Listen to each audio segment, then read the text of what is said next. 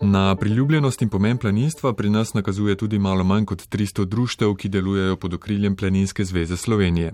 Leta 2007 je bil sprejet zakon o planinskih poteh, ki je v pravni ureditvi planinskim potem dodelil poseben status, s katerim so organizacije dobile veliko obveznosti, ni pa zagotovil sistemskega vira financiranja.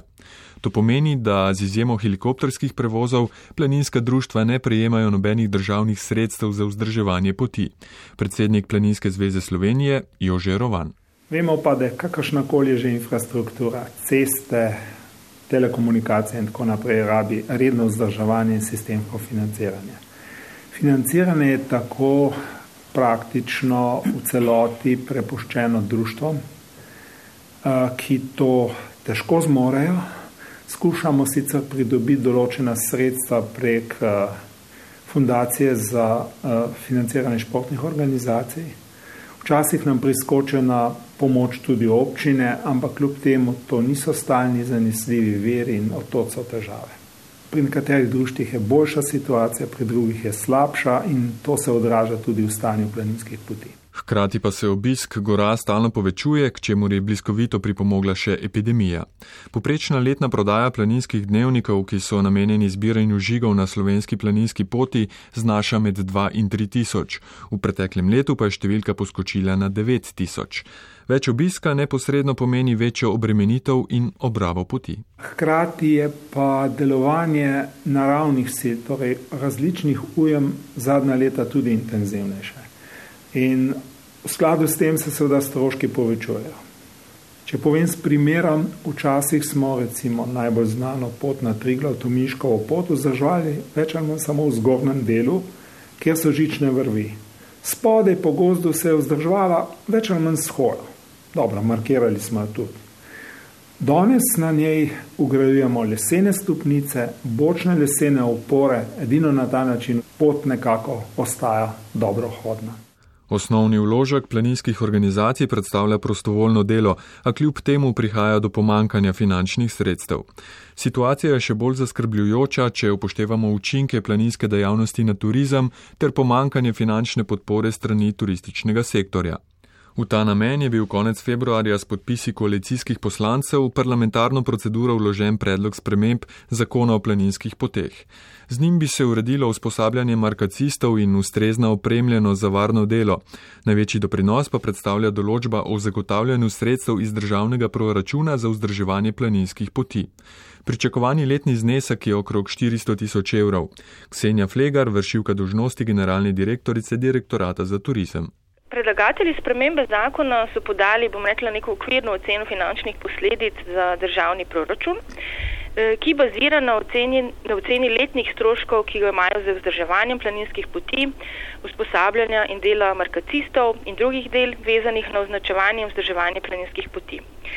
Zdaj vsekakor pa bodo obveznosti ministerstva, pristojnega za turizem, da iz državnega proračuna zagotavlja ta sredstva, dogovorjene pravzaprav za neposredno pogodbo, ki bo opredeljevala vrednost financiranja v ta namene za določeno proračunsko obdobje.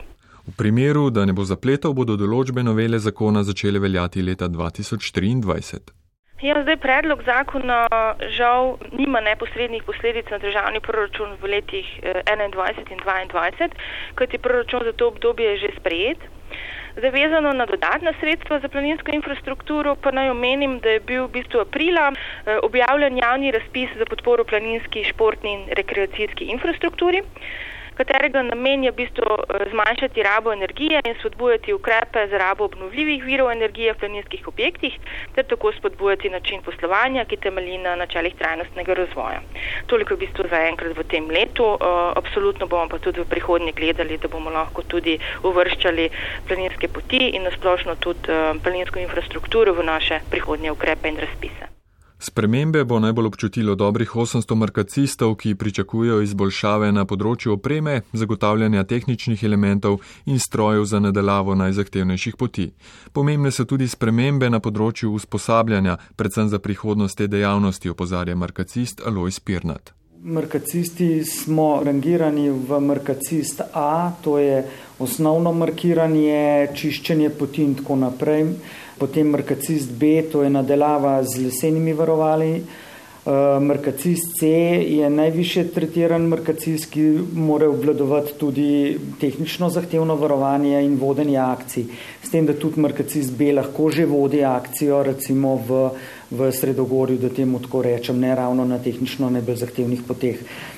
Uh, tako da, kaj se bo spremenil? Ja, jaz mislim, da bo teh uh, tečajev toliko več, eh, da se bojo lahko društva prvošla več markacistov dati na izobraževanje, uh, zato da, da pač bodo lahko svoje poti normalno eh, vzdrževali, da, bo, da, bo, da temu tako rečem več markacistov na, na kilometr poti.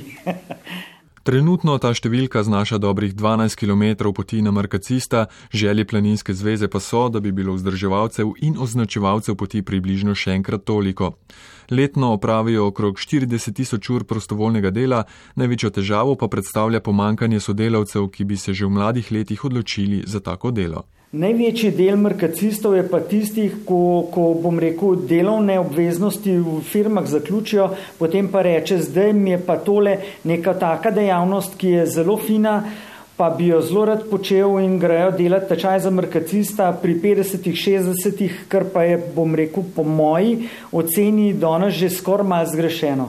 Zato, ker tehnično Eh, zahtevne stvari je treba početi, ko si mlad, ne, ko si, ko si pri 60-ih, 70-ih. Tako da, koliko časa bo ta zadeva, da bomo na volonterski bazi lahko vzdrževali kader, da bo tehnično ustrezen, da bo sposoben uh, delati tudi te uh, poti v visokogorju, uh, to je težko, ne bi jaz produciral nobenega uh, direktnega odgovora. Problemi mladih so razumljivi. Pomankanje časa zaradi službe, družine, manj dopusta, marsikje tudi potreba po finančnih sredstvih so dejavniki, ki jim onemogočajo udeležbo na daljših akcijah. Čeprav so v preteklosti izvajali še daljše delovne akcije, lahko te tudi danes trajajo več dni. Z novelo zakona se bo število markacistov kljub temu povečalo, vzdrževanje poti pa bo ostalo prostovoljno, verjame predsednik Planinske zveze Slovenije Jože Rovan. S temi dodatnimi finančnimi sredstvi bo tudi lažje ljudi šolati, ker društva tudi nimajo sredstev za samo šolanje markacistov, ki, ki seveda ni zaston. Tako da v kombinaciji vsega tega jaz upam, da bomo obdržali to prostovoljstvo kot ne samo tukaj, ampak na vseh področjih planinstva je to za nas ena temeljna vrednota. Seveda, to ima meje, skrbniki niso več prostovoljci, že dolgo ne vendar te društveni delavci, vsi funkcionarji in tako naprej smo pa prostovoljci. S ponosom dodaja, da je Slovenija v Evropi edina, ki tako zahtevne poti vzdržuje s prostovoljnim delom. V Italiji in Avstriji, na primer, za najtežje poti skrbijo gradbena podjetja ali plačani gorski vodniki. A stanje poti se v zadnjem obdobju slabša, velik del sredstev novele zakona bo najprej namenjen za obnovo poti.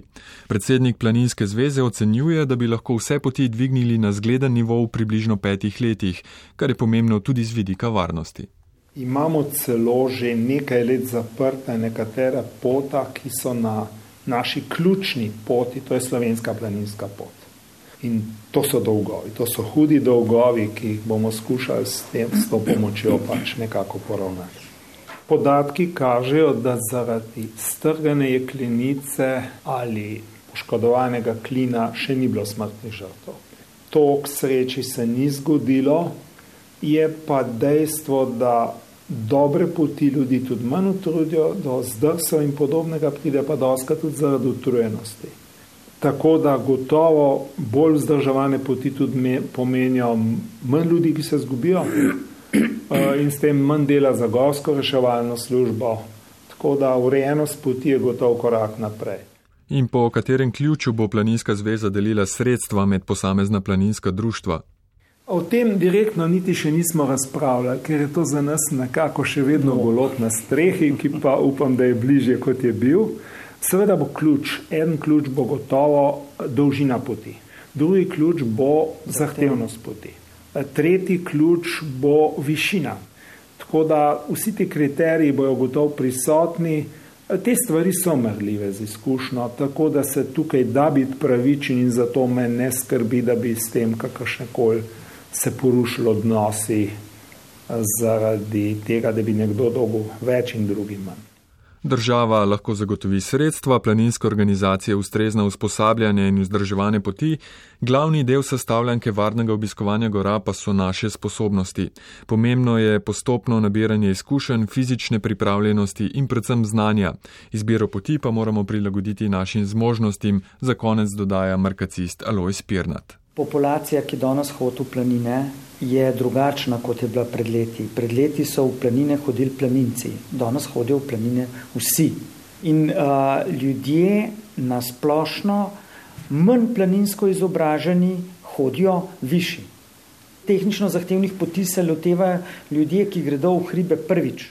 Pomlad napoveduje toplejše obdobje v gorskem svetu, letošnja pobenem tudi svetlejše obdobje v svetu planinskih poti pa srečno pot.